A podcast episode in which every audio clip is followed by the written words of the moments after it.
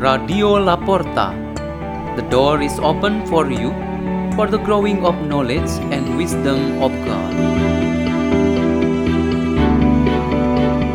Delivered by Geraldo Purba and Jessica Deborah from St. Arnold Johnson Bekasi, Archdiocese Jakarta, Indonesia.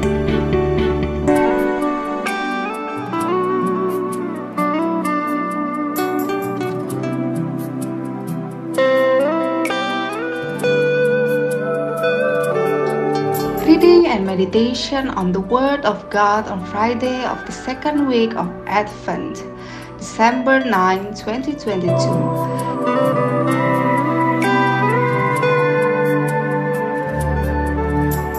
A reading is taken from the Holy Gospel according to Matthew.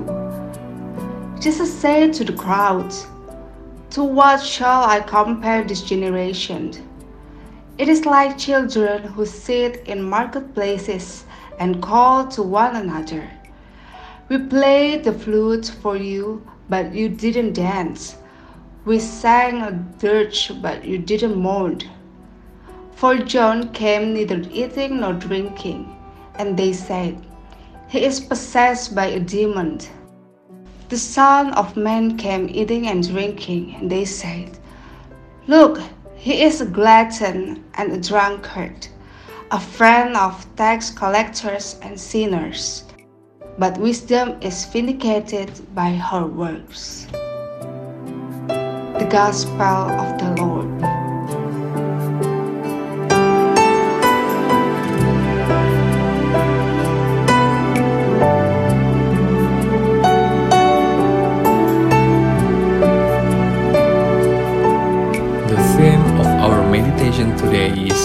In the Father's Image. In the Gospel has been just read for us, Jesus spoke about the generation of people he was dealing with, just like children with no clear orientation in their lives. They seem not having any hope for life. This may be speaking about our very real situation today.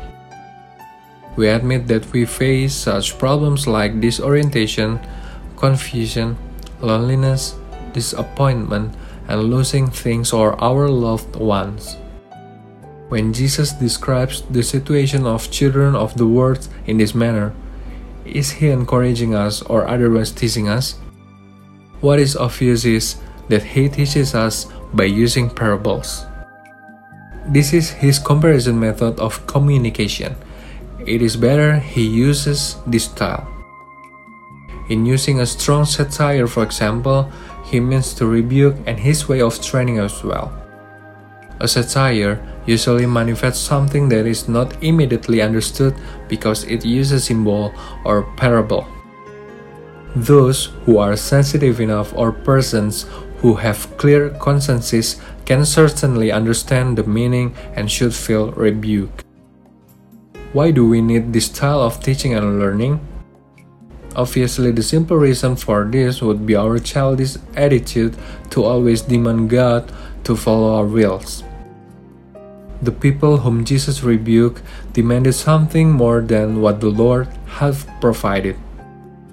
This really showed their stubbornness, stupidity, or had been spoiled by the devil. They wanted God to appear sensational in accordance with their desires.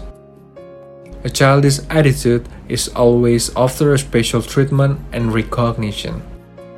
However, the more serious reason on why we need rebuke and discipline would be something not so perceptible because what's happening in the shadow or darkness is mostly undetected and how the unexpected damage of our identity as God's children would certainly be out of control.